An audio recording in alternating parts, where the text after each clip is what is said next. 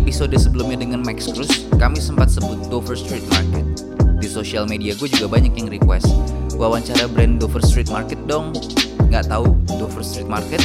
Berarti ke streetwearan lo dipertanyakan. Serius deh, Google. Gue kenal Adit dari era MySpace. Waktu itu dia vokalis band metal emo dari Bogor, Deadly Eye Candy. Ada sesuatu yang menarik dari dia. Dia bisa create sesuatu yang bikin orang noleh, entah dari cara berpakaian atau bagaimana dia berhasil menambah warna ke dalam arahan visual kreatif bandnya di MySpace pada saat itu. Rahasianya, referensi. Cari referensi sampai akhirnya menemukan jati diri. Sebelum Paradise Youth Club, Adit membantu melahirkan in-house brand salah satu retail besar di Indonesia. Tapi gue akan biarkan Adit sendiri yang menceritakannya di sini. Dari membuat brand yang sesuai minat pasar, Adit melahirkan Paradise yang berkali-kali featured di Hypebeast dan High Snobiety dan tembus juga ke Dover Street Market London. Gua Doci Sadega dan lo lagi dengerin Kata Doci, podcast yang berisi cerita orang-orang di balik brand. Pesan yang ingin mereka sampaikan yang mungkin belum tersampaikan. Di depan gua ada Vincentius Aditya, Adit, yang melahirkan Paradise. Let's hear what he gotta say.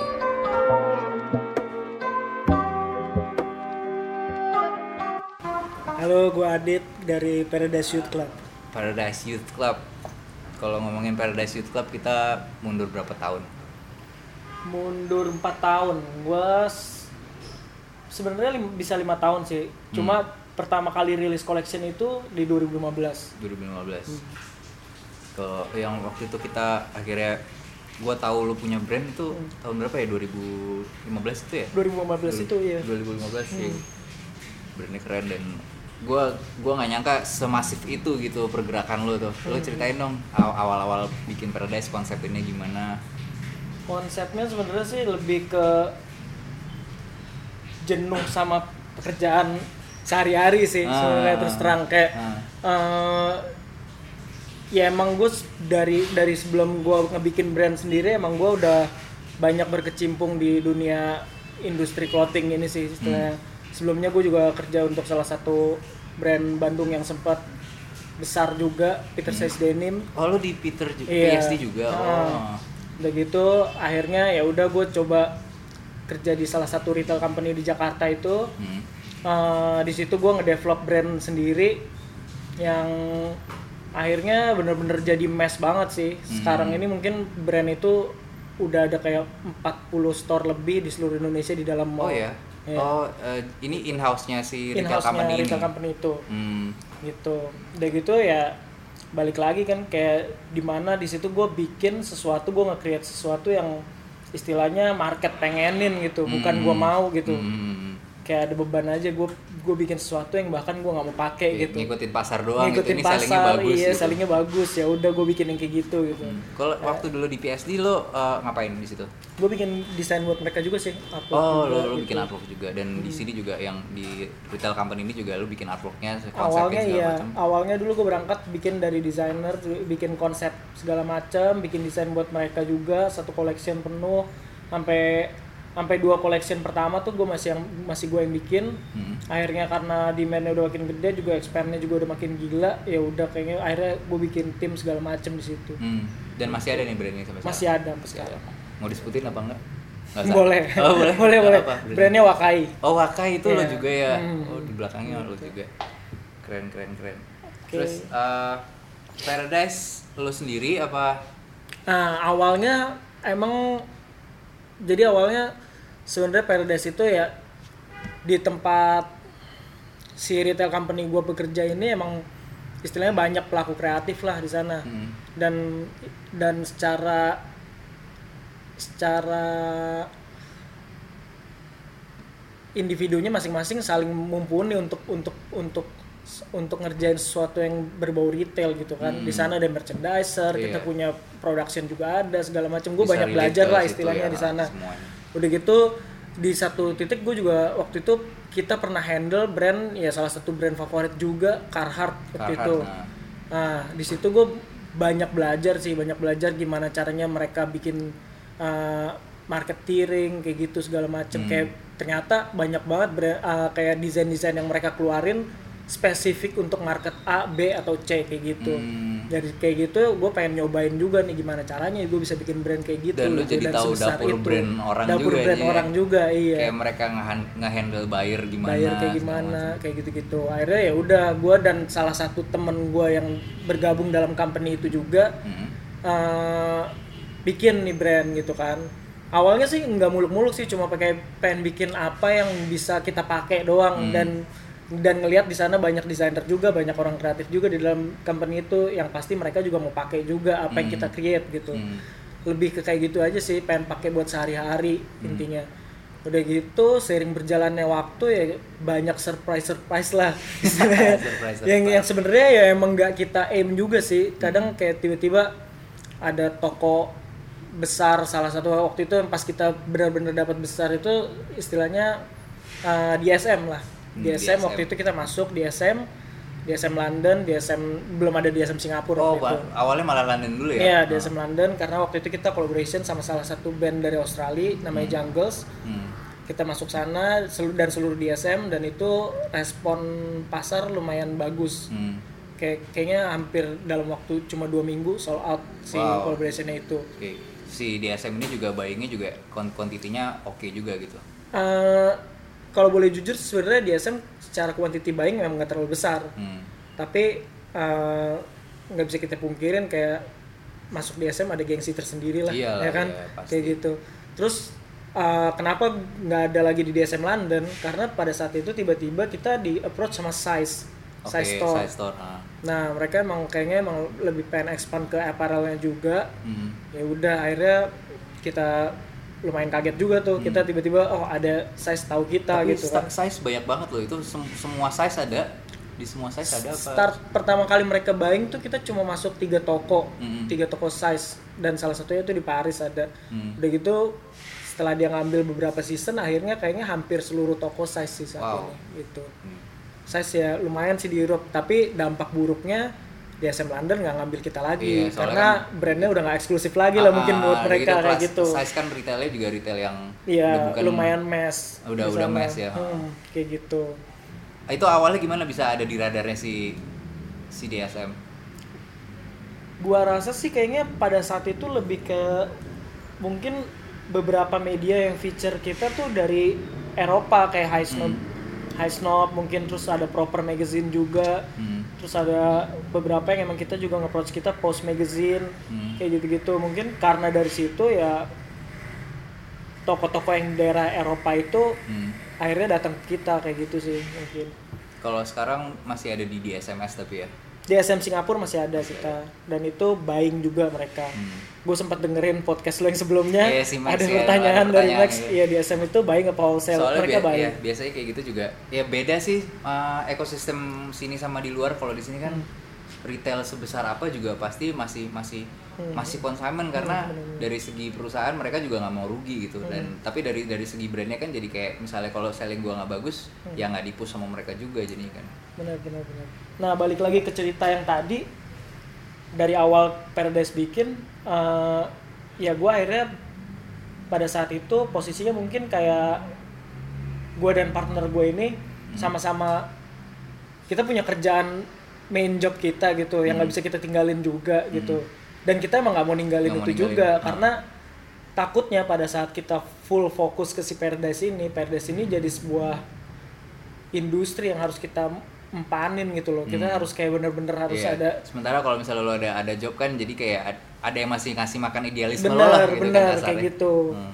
nah tapi ada sisi buruknya juga sisi buruknya ya pada saat demandnya ada kita nggak bisa nggak bisa nge-supply itu gitu Hmm. nge-supply itunya tuh dari berbagai hal kayak misalkan dari segi uh, productionnya tepat waktu Hmm. atau dari kayak misalkan marketingnya apa yang akan kita lakuin buat brand Hmm. ini gitu kan yang kayak gitu-gitu akhirnya kita keteteran dan akhirnya eh, dari situ kan sekarang banyak pertanyaan nih kayak loh terus sekarang lu sama siapa kok lu sama PC atau gimana gitu kan Mhm. nah itu gue pengen jelasin juga ya kayak sekarang eh gue dan Michael Michael itu sekarang handle untuk operationalnya Paradise Hmm. kayak gitu tapi sebenarnya public culture dan Paradise sendiri itu dua hal yang berbeda Dua yang berbeda. Hmm. Iya.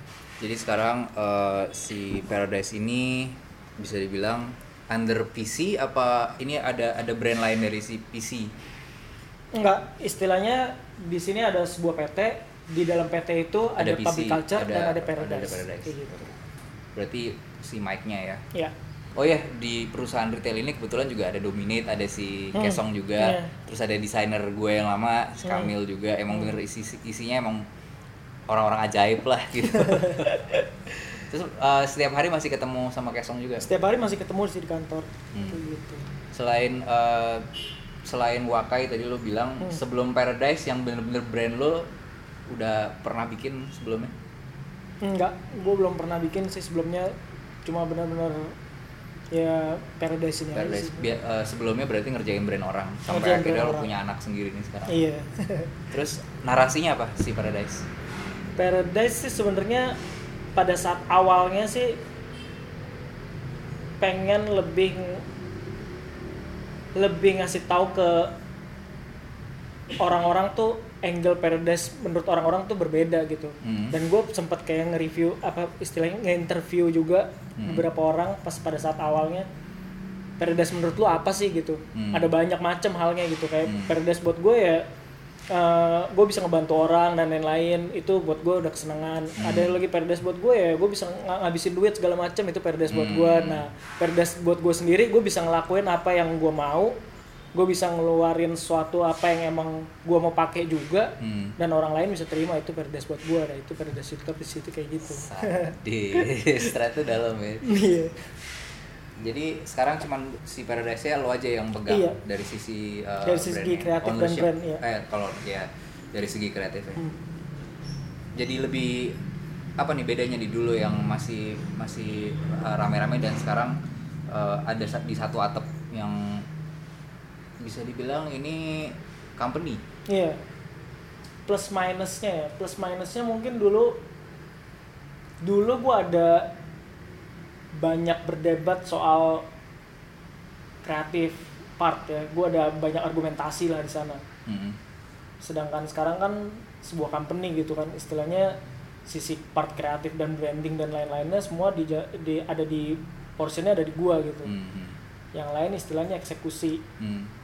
Mungkin Michael secara Michael lebih ke operasionalnya lebih Hmm. kayak bisnisnya kayak gimana gitu kan plus minusnya eh minusnya mungkin ya kemarin gue ada bahan discussion sama yang lain gitu tapi pada saat ini plusnya ya tim yang saat ini gue jalanin proper banget sih menurut Proper. gue iya dan Karena- menurut gue brand emang seharusnya seperti ini gitu Hmm. Udah udah beda ini juga ya udah beda kapasitas juga Beda kan, kapasitas, dan bener. legalitasnya juga Hmm. itu juga gue alamin sih dari Iya. brand gue sendiri kan sekarang gue udah uh, under uh, oh nggak kalau gue bikin company baru akhirnya Ah. tapi orang-orangnya ada company Hmm. gitu Uh, dan gue jadi be- bekerja sama orang yang scope-nya udah jauh lebih luas dari gue dari Nah. segi bisnis segala macam dan gue udah bisa percayalah Hmm. maksudnya gue bisa 100% ngerjain kreatif doang cuman how to run the business dan lain-lain ada orang yang ngejalanin gitu jadi ini Menurut gua bagus sih itu kayak gitu ya sa- saat brand expand pasti akan hal yang kayak gitu nggak bisa dielakin sih pasti ya kan Hmm. ya kayak misalkan ada orang kreatif yang emang fokusnya di sana nggak perlu mikirin kayak istilahnya nggak perlu ngebagi fokusnya tentang kayak bisnis partnya kayak gitu Hmm. Memilih partner sangatlah krusial. Lo bisa juga menjalankan semuanya sendiri dan hire orang-orang sesuai bidangnya.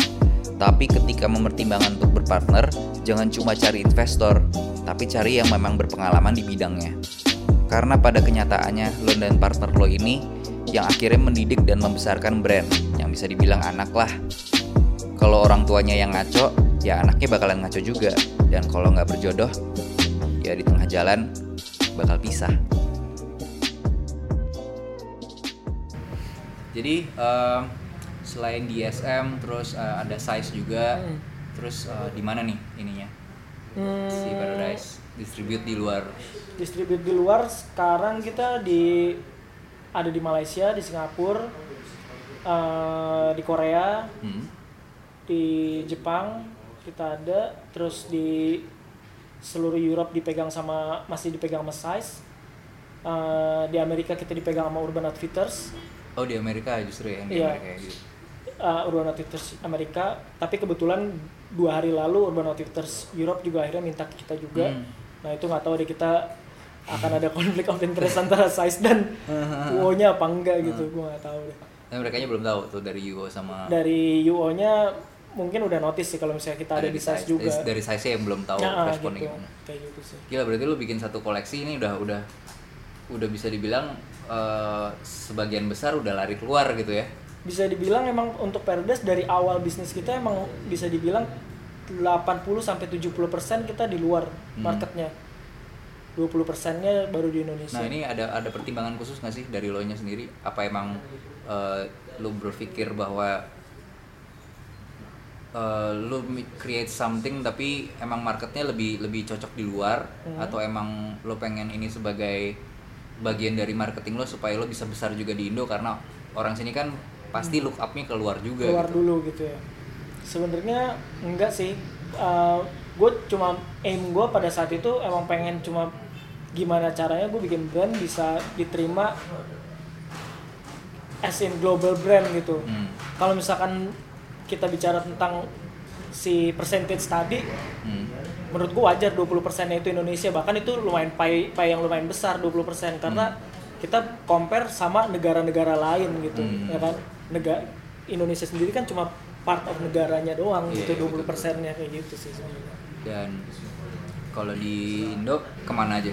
kalau di Indonesia kita balik lagi ke, ke bisnis model mungkin ya. Bisnis model consignment kita cuma ada di tiga store saat ini.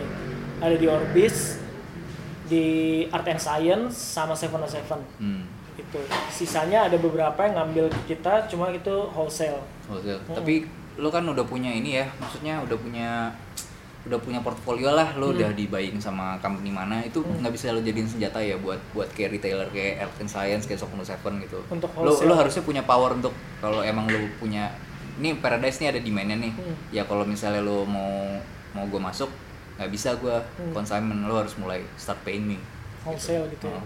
Nah, gue juga sempat dengerin sih podcast-podcast lo yang sebelumnya mengenai wholesale gitu kan. Hmm. Gimana caranya kita ngebangun ngebangun kayak bisnis model di Indonesia supaya department store, department department store atau multi brand store itu wholesale ke brand-brand yang ada di sini gitu kan. Hmm. Gue pun sempat kayak pada saat awal-awal juga sempat kayak wah ada brand-brand di apa istilahnya ada toko-toko di luar sana yang berani ngambil wholesale gitu. Hmm, hmm, hmm. dibandingkan dengan kayak maksudnya di luar daerah ya kita Hmm. ngomongin bukan di luar negeri di luar negeri semua wholesale. Di luar daerah Jakarta yang berani ngambil wholesale sedangkan yang di Jakarta ini kok nggak berani Iya, gitu ngambil wholesale gitu kan. Tapi di situ juga justru gue gue balikin menurut gue eh, di sini sistem wholesale-nya itu gue justru gue lebih takut ya as a brand gue justru takut kalau pada saat brand gue diambil wholesale Kenapa gitu? karena gini gue ngerasa mereka udah siap untuk kapasitas ngegedein brand orang gitu Hmm. bertanggung jawab sama brandnya justru makanya strategi gue di sini eh, orang-orang pada saat ada toko yang ngambil wholesale Hmm. mereka pasti set minimum buying Hmm. kalau gue justru set maximum buying Hmm. gue nggak mau barang gue over di luar sana dan akhirnya lu ntar cash flow lu harus muter juga lu akhirnya sell sellin barang gue gitu Oh iya iya. gue takut banget kayak gitu Oh, iya jadinya karena apalagi kalau misalnya kita ngelihat uh, wholesale sama consignment kan pasti consignment percentage lebih kecil daripada orang mau beli wholesale misalnya Benar. kalau misalnya lo mau uh, uh, consignment consignment misalnya let's say 30% cuman Hmm. kalau misalnya buying ada yang sampai 50 50 60 persen ah, ya gitu ya jadi uh, dan bakal ada kemungkinan kalau brand lo nggak laku terus lo di uh, di diskon let's say 50% atau 40% itu dari segi brand Branding, value lo jadi iya, turun, turun, juga benar. gitu ya apalagi program-program tiap store-nya juga kan kita nggak bisa batasin juga kan Hmm. kadang misalkan mereka ada program apa yang se- sebenarnya karena Paradise sendiri di website dan di online kita di online secara lain ya kita Hmm. di Indonesia tetap harus ngejalanin Pakai itu soalnya kan lain-lain. kayak gitu kita nggak pernah nggak pernah ngediskon Hmm. soalnya nggak pernah ngediskon barang-barang Hmm. kita kayak gitu yes Itu sih. Terus uh, collaboration. Waktu itu lo sempat collab sama brand Korea juga. Mhm. Hmm. Dan itu emang nggak dijual di sini. Hmm. Nah itu kalau nggak salah salah satu komentar lo adalah ya lu, lu ngapain ngejual sesuatu yang nggak bisa dipakai di sini. Kayak waktu itu kan eh, apa namanya Alpha Industri ya, Ya, Alpha Industries. Iya kan kayak menurut gua lucu gitu kalau misalnya em, ya mau mau segaya apa pun kayaknya kalau pakai Alpha Industri di sini tuh kayak nggak cocok gitu nggak sih? Itu itu Iya. emang bagian dari dari ini lo juga karena lo nggak mau karena itu lo jadi nggak mau jual di sini apa emang eksklusif di Korea aja? Enggak sih sebenarnya waktu itu uh, kita jual ke channel-channel lain juga. Hmm. Channel beberapa beberapa channel yang emang di sana ada winter. Mm-mm. Karena itu kan Alpha Industries yang kita pilih emang puff banget Pas gitu. banget ya emang Serius spesifikasi kayak gerah banget ya. sih asli. Kalau lu pakai di Jakarta lu kasihan lu beli, lu Hmm. mampu beli nih tapi lu diceng-cengin sama orang ya kan. Kurang juga gitu. Iya sebenarnya lebih satu concern gua karena emang musim kita nggak nggak nggak cocok sih untuk Nggak barang cocok. tersebut Hmm. gitu. Kedua eh secara price range juga gua rasa cukup tinggi Hmm. untuk di Indonesia Hmm. karena harganya sendiri udah tinggi. Hmm. Terus kedua kita pada saat gua bawa ke sini kena customnya Iya, tuh gila-gilaan gitu. Untuk logistiknya juga. Iya. Ah, ngomongin kolaborasi selain itu apa apa aja nih yang udah dari 2015 sampai sekarang? Collaboration ya. Pertama collaboration waktu itu gua sama brand yang dari Australia itu Jungles, Jungles. ah. Terus kedua collaboration sama Primitivo, brand dari Oh, LA. ah. Nah, udah gitu terus habis dari Primitivo kita collaboration sama si Alpha Industries itu Hmm. rilis eksklusif di Korea waktu itu. Terus collaboration sama toko di Korea Hyde Store. Mhm. Terus collaboration sama desain studio dari Singapura, Tell Hmm. Your Chil- Children. Tell Rina. Nah, waktu itu bikin pop up juga di DSM Ah, di sama sini event juga di sini. ah, ada event di sini kan? Ah, di Mondo waktu itu. Hmm. Terus yang paling terakhir ini yang kemarin rilis sama Hypergrand. Hmm, Hypergrand. Iya. Ah, yang untuk Hypergrand sendiri ini rilis di Indo aja apa Enggak. Eh, di internasional? internasional kita Oh, rilis. cerita dong gimana bisa sama Hy- Hypergrand tapi dia under si retail company yang lo kerja ini juga bukan sih? Bukan, bukan. Beda ya? Beda. Hypergrand sih di Indonesia ini dibawa sama Watchco sebenarnya. Mhm. Tapi nggak lewat Lo nggak Watchco, lewat. Watchco, nggak lewat direct langsung ke Hypergrandnya. Hmm. gitu karena ya kebetulan em, dari Hypergrandnya sendiri emang ada pengen ngangkat gimana caranya Asian brand bisa naik di Hmm. Asian global brand juga sih kayak Iya. gitu sih dan emang sudah sewajarnya seperti itu sih kayak Iya. kalau kita lihat dari em, kayak G-Shock segala macam itu di Hmm. luar juga udah udah ngerangkul lokal yang punya power lah gitu Iya. kan keren kemarin ya baru rilis ya Baru rilis kemarin. si Hypergrand gue nggak bisa datang sorry. Oh iya. Itu tadinya gue udah mau berangkat cuman anak gue lagi rewel banget. Terus apa lagi nih? Kasih insight yang atau advice gitu. Kalau misalnya ada orang kayak nanya Hmm. gimana sih caranya bisa bikin brand yang bisa diterima global? gitu. Bikin brand. Mungkin jawaban klisenya sih jawaban klisenya sih kayak ya lu bikin aja apa yang lu suka gitu kan Hmm. pasti rata-rata jawab menjawab seperti itu lah Iya, ya kan iya. cuma ya kalau dari gue sendiri sih kalau gue simpelnya kayak gini sih gue pakai analogi gimana caranya pada saat lu bikin brand lu manusiakan brand lu istilahnya lu memanusiakan brand lu tuh kayak lu anggap brand lu itu manusia kalau misalkan Hmm. jadi sosok manusia hmm. dia hangoutnya sama siapa sih Hmm. Dia dengerin lagunya apa sih Hmm. gitu dia dia nonton movie-nya apa sih gitu Hmm. dia tap in sama politik kah dia seksis kah atau apa kayak gitu Oke, oke. kan banyak juga brand-brand yang sex sales ya kan Hmm. nampilin foto cewek dengan seksi-seksi ah, kayak ah, gitu nah di situ kayak contohnya Perdes nggak akan ngelakuin itu gitu Hmm. karena Perdes kalau lu, lu sebagai sosok si Paradise-nya Iya, seperti itu kan sebagai itu. manusia Tapi bukan berarti itu salah buat brand-brand lain yang melakukan itu. Maksudnya yaitu karakter si brandnya mereka Hmm. seperti itu gitu. balik lagi ya mau Balik mau lagi. dibesarkan kayak gimana nih si Hmm, brand ini Benar benar benar. oke apa lagi dong nih Apa nih?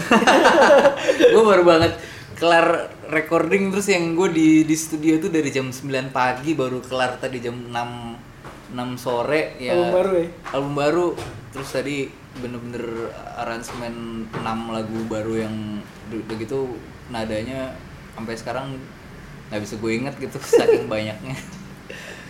Gokil sih tapi band lu dari zaman dulu. Eh tapi lu juga ada FNB juga kan? FNB ada gua Ah. di Bogor. Di Bogor? Hmm. masih jalan sampai sekarang? Masih jalan sampai sekarang. Nah itu gimana cara ngebagi waktunya? Lo lo kerja di uh, retail industri juga, lo punya brand juga, lo punya F&B juga, lo Kalau- juga bapak dari tiga anak, Dua, dua, dua. anak perempuan. Kalau F&B sih sebenarnya waktu itu gue coba-coba sih sebenarnya. Jadi karena beberapa kali gue nge ngebikin brand identity untuk F&B F&B yang ada di Bogor itu. Mm-mm. Nah eh, dari situ gue ngelihat gimana cara mereka ngejalanin operasionalnya segala macam dan akhirnya gue tertarik gitu kayak seru juga gitu kan. Hmm. Apalagi dengan kayak lebih ke waktu itu gue sempat baca artikelnya si siapa ya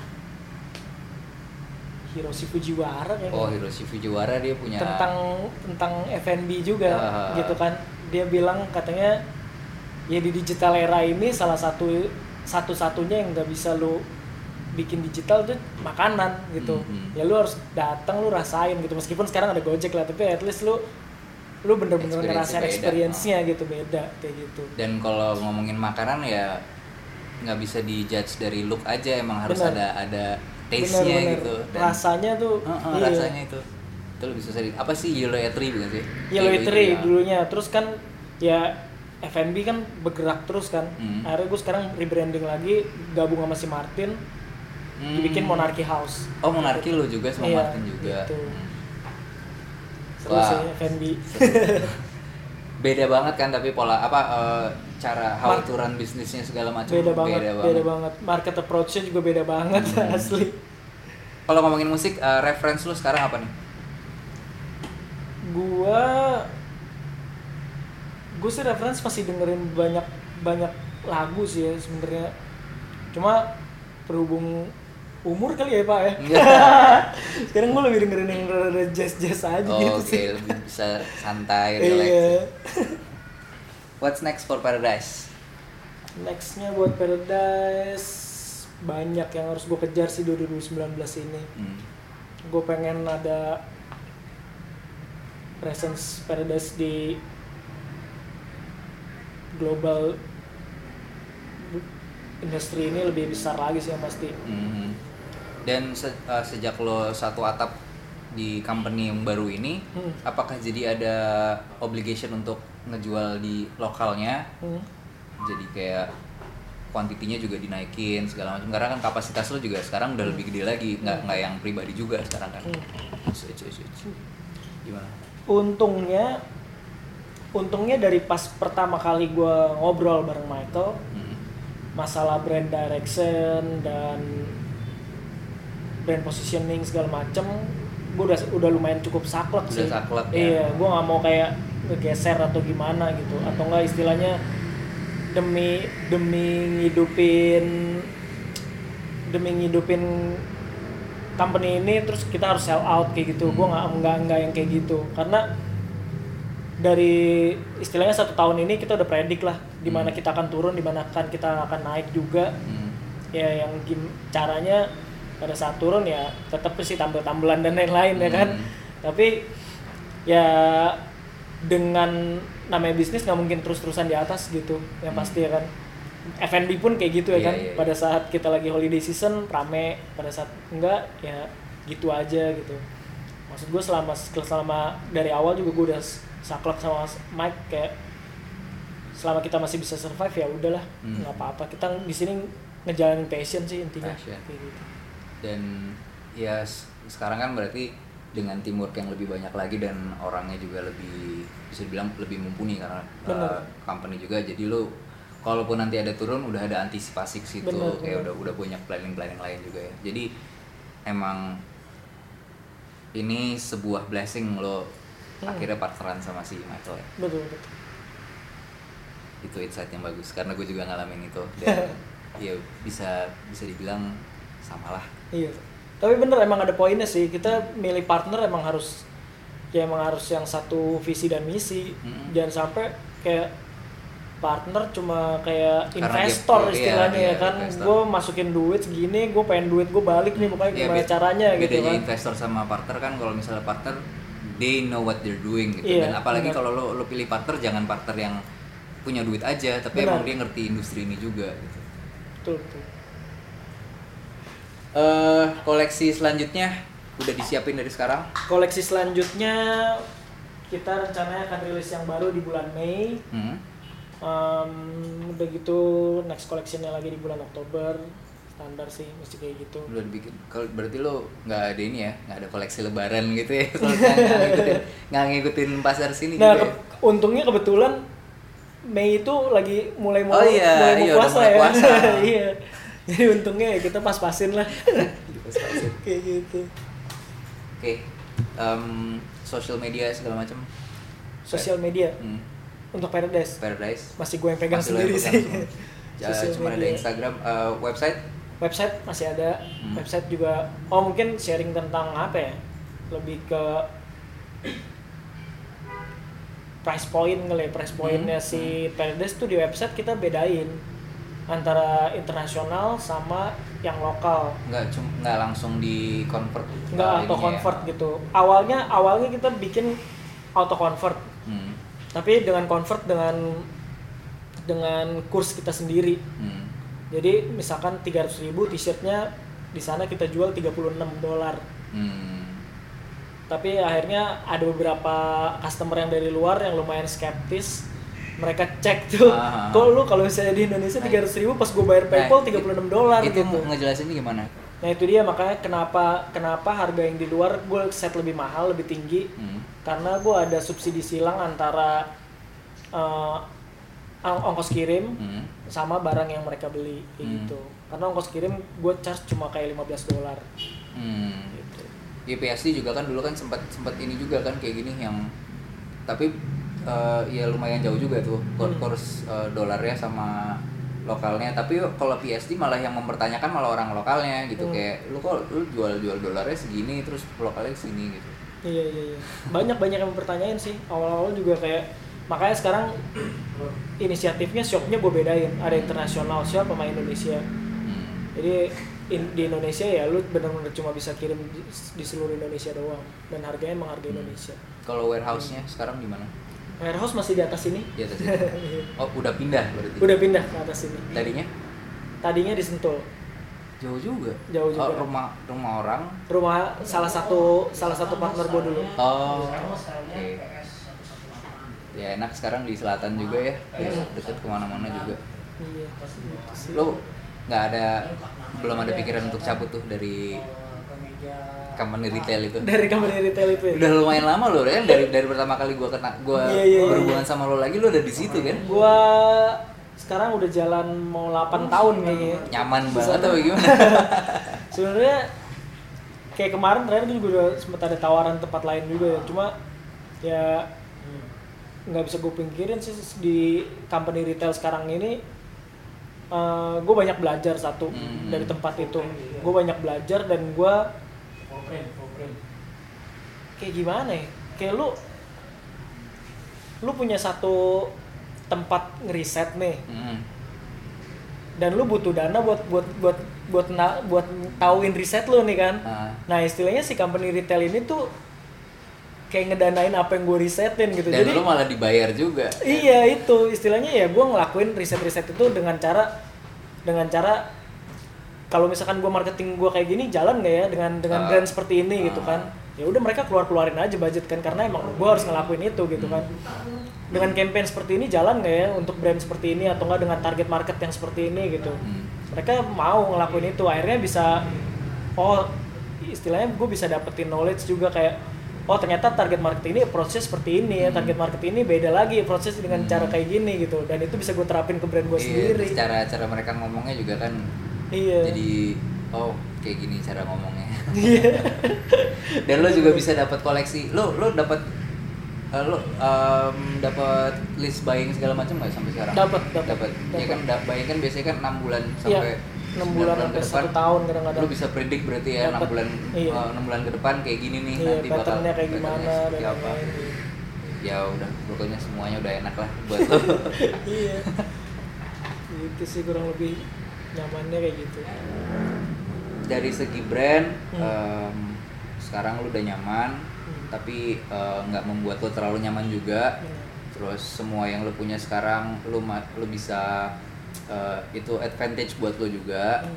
terus eh, ya udah berarti kalau gua rasa Paradise umurnya masih bisa panjang lah amin jadi congrats for the new uh, company iya dan sukses buat Paradise terus thank you buat waktunya. Semoga insight-nya juga bisa em, membantu yang mau punya brand atau yang udah punya brand gimana caranya biar bisa berkembang. Dan pesan yang paling penting adalah bikin sesuatu karena lo senang membuat itu. Iya. iya gak sih? Sama sesimpel lu mau pakai sih. Lo mau pakai? Lo jangan bikin sesuatu yang lo nggak mau pakai. Iya benar. Itu juga ya kan reference reference kita kan makin lama makin berkembang juga ya. Benar. misalnya eh, lo sekarang lagi lagi seperti ini arahannya terus tiba-tiba nanti nggak tiba-tiba sih maksudnya itu kan berarti udah udah eh, ngelewatin banyak proses tapi lima tahun ke depan ternyata narasi lo beda Hmm. terus ada yang customer yang udah terbiasa sama narasi lo yang lama Hmm. terus bilang kok nggak bikin yang seperti ini lagi terus eh, ya jawabannya adalah gue udah nggak mau pakai yang seperti itu lagi Hmm. gitu gitu nggak sih benar benar nah itu juga sebenarnya gue lihat di di si line sheetnya si Carhartt itu gitu Hmm. kan gue juga sempet kayak kok misalkan gue kayak melihat brand orang kan pasti kan gue kayak loh kok dia tiba-tiba bikin gini ya atau Hmm. enggak loh kok uh, tadinya gini sekarang bikin gini gitu kan Hmm. shifting dalam dalam brand itu menurut gue sih wajar-wajar aja sih sah-sah aja sih ya Hmm.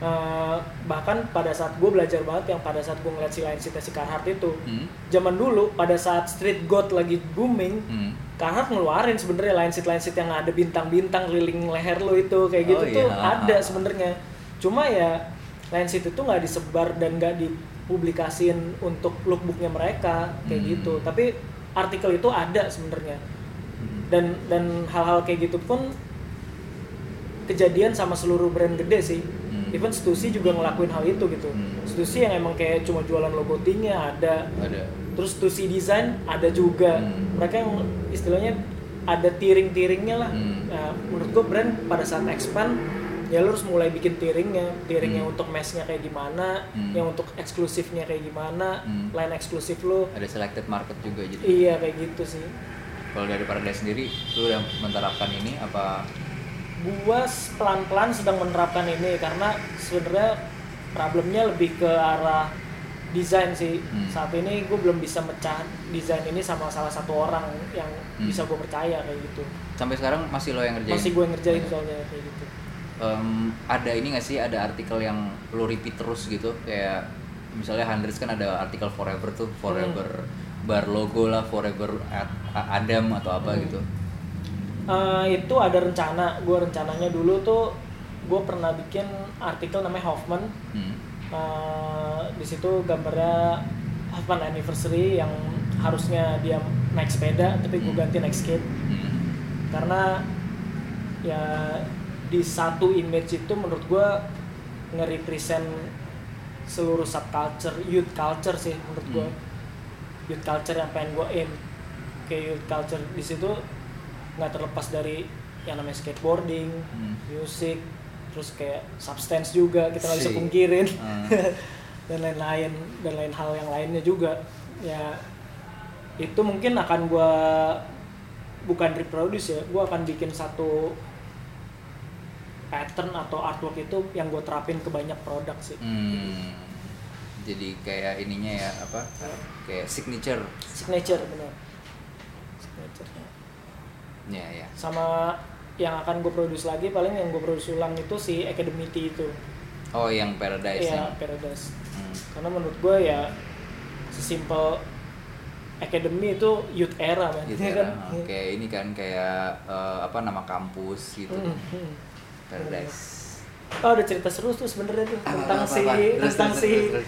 tentang si Academy Tea itu. Hmm. Jadi pada saat kita waktu itu ngeluarin Academy Tea itu ada yang nge-DM kita, Hmm. ada yang nge-DM marah-marah. Kenapa? Kayak lu kayak lu di sana tuh kultur lu nggak kayak gitu gitu. Ngapain sih lu bikin-bikin kayak gituan gitu? Orang luar gitu? Orang luar dan cukup cukup terkenal lah. Hah? gitu. Mungkin lo tahu um, nggak enak kali ya kalau gue sebut brandnya. Iya nanti di sensor aja. Sensor aja. Ya, dia yang punya langsung kayak bici gitu kayak nge-DM kayak ya lalu tahu apaan sih tentang kultur college kayak gitu kayak gitu kan? Lu tuh cuma kayak orang-orang lu tuh cuma kayak istilahnya duplikat doang deh apa yang ada di kultur kita kayak gitu. Kok bisa gitu sih? Gue juga salty gitu iya gue juga jujur gue awalnya gue follow dia apa yang gue lakuin apa yang dia lakuin tuh gue suka sih. Sebenarnya kayak wah oke banget tuh yang dia lakuin gitu kan. Terus kayak tiba-tiba nggak ngerti kenapa terus kayak dia ngomong marah-marah kayak gitu. Terus lo responnya gimana? Gue cuma kasih emoji bunga doang. Tapi ya nggak nggak nggak berhubungan lagi? Enggak oh terus kemarin eh, lo sempat ketemu Ferdi ya? Di mana tuh? Gue ketemu pertama di Korea waktu itu yang pas launching Di si ya ah, enggak oh kebetulan yang, gue apa Industries itu? Oh, pas launching Alpha Industries itu gue kebetulan stay di satu hotel yang sama. Dan dia ada bikin pop up di salah satu toko di Korea juga waktu itu. Mhm. terus ketemu lagi di ketemu lagi pas dia bikin pop up di Union di LA Hmm. nah ketemu lagi di sana. Gitu. Itu juga orang ajaib banget sih si Ferdi. Iya. itu gue gue pertama kali kenal dia tuh dia bikin bikin kaos kaki barengan barengan sama teman gue anak band sana. Terus next thing I know dia collab sama ini collab sama itu collab sama ini. Terus yang tadinya tadinya sempat ada eh, pengen kolaborasi sama gue juga terus tiba-tiba dia waktunya juga udah gak ada. Wah udah parah udah sih parah terus eh, eh gue lagi di Jepang nih waktu itu gue ke Jepang ya gue lagi di Paris terus berikutnya gue lagi di Jepang nih gue di LA gila nih orang. Iya, iya. muter mulu sih dia Muter parah mulu. banyak yang ngomong kayak the next anti social social club. Ya. banyak yang ngomong gitu. Iya tinggal dia mempertanggungjawabkan karyanya aja sih tapi beneran message message-nya bagus sih. Bagus. Kayak Girls Don't Cry kayak gitu dia ceritain ke gue tentang message-nya oke. Thanks banget. Ya, sorry gue gak bisa maksimal karena otak gue udah nyampur Metronom. sama metronom. Asli sih